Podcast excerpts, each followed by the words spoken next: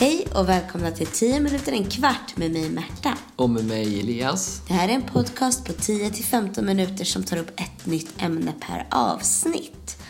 Och idag tror jag att vi ska prata om något lite magiskt. Ja, det ska vi faktiskt göra. Idag ska vi tala om Blåkulla. Mm, dit som häxorna flyger. Ja, precis dit som häxorna flyger. Men vad vet du egentligen om Blåkulla, Märta?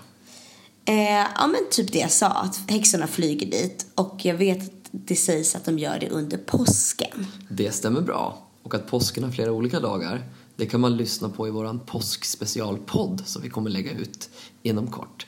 Men vet du vilken dag det är som de flyger dit då, häxorna? Eh, av påskdagarna så nej, det, jag får erkänna att jag har dålig koll på det. Ja, men det är lite svårt. Men myten säger att häxorna de flyger till Blåkulla på skärtorsdagen. Och den här myten, den uppstod riktigt tidigt. Den uppstod redan på 1600-talet. Ja, det är länge sedan. Väldigt länge sedan. 400 år sedan. Verkligen. Och på den tiden var man ju superrädd för häxor, eller hur? Ja, det var man. Livrädd till och med. Man trodde väl att djävulen bjöd in dem på fest. Och då måste ju det varit på skärtorsdagen eftersom att du sa nu att det var den dagen de flyger, eller? Ja, precis den dagen trodde man att det var. Mm, och visst var det så att ibland tog hon med ett barn som skulle liksom... Ja, och på den här festen, där skulle häxorna kalasa på både ormar och paddor. Det låter väl smarrigt?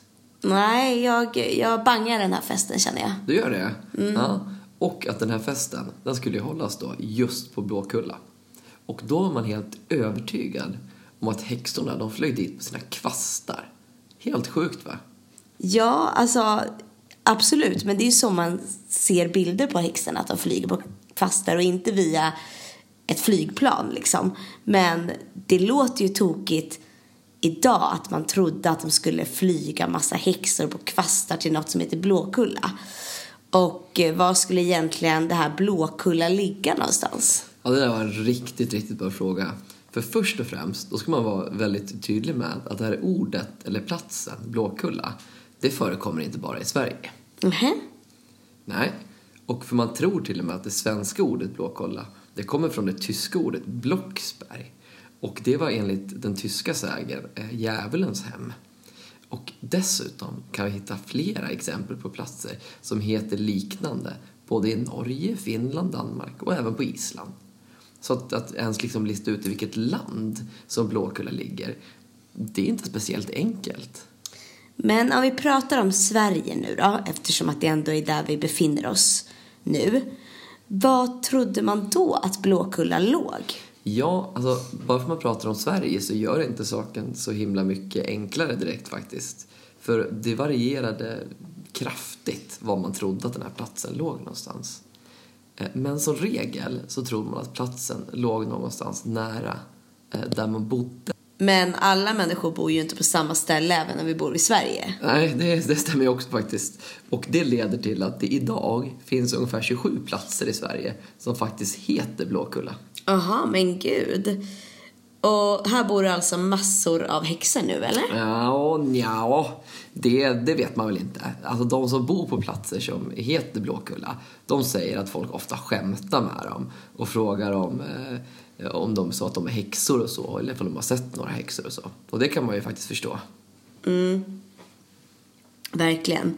Men är det någon av de här platserna som är det riktiga, liksom det riktiga Blåkulla? Vet man det? Eh, ja, alltså att säga vilket som är det riktiga Blåkulla, det är ju liksom jättesvårt. Men det finns faktiskt två platser som ofta brukar förknippas och anses vara liksom det, ja, men det riktiga Blåkulla. Och grejen är att de här heter inte ens Blåkulla. Nej, vilka platser är det då? Och vad heter de istället? Ja, alltså en av platserna heter Den blå jungfrun och är en ö. Och ibland så kallar man den bara för Jungfrun. Den ligger ungefär mellan norra Öland och Oskarshamn. Och det här var ett ställe som man trodde var liksom Blåkullafestplatsen förr i tiden. Och det finns faktiskt vissa belägg för att sjöfarare eh, i förhistorisk tid, alltså för jättelänge sedan, när de var rädda för att de skulle liksom sjunka med sina skepp, då gick man i land på den här ön och så offrade man saker till de olika havsgudarna för att få lite tur med sig. Mm. Ja. Och så finns det ett ställe till som heter Blåkullen.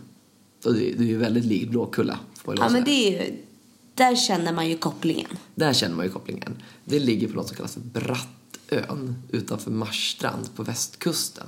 Alltså typ mellan Marstrand och Tjörn och, och fastlandet. Och det här är en plats som tydligt identifieras som häxornas festplats. Okej, och då undrar man ju när man lyssnar. Kan man besöka de här två platserna? Ja, men det går alldeles utmärkt. Om man törs alltså. Ah, Alltså, skämt åsido. På Brattön, där bor det faktiskt en hel del bofasta invånare.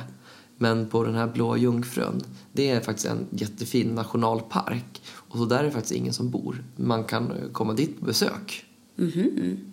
Så att om man är nyfiken på det här med Blåkulla och häxor kan man alltså besöka de här två öarna för att få reda på mer kanske. Ja, men exakt. Då sätter vi punkt där för idag, tycker jag. Eller har du något mer? Nej, men det är jättebra. Och vi som har gjort den här podden heter Elias och Märta. Och ni kan hitta den på vår hemsida på www.vikarielärare.se.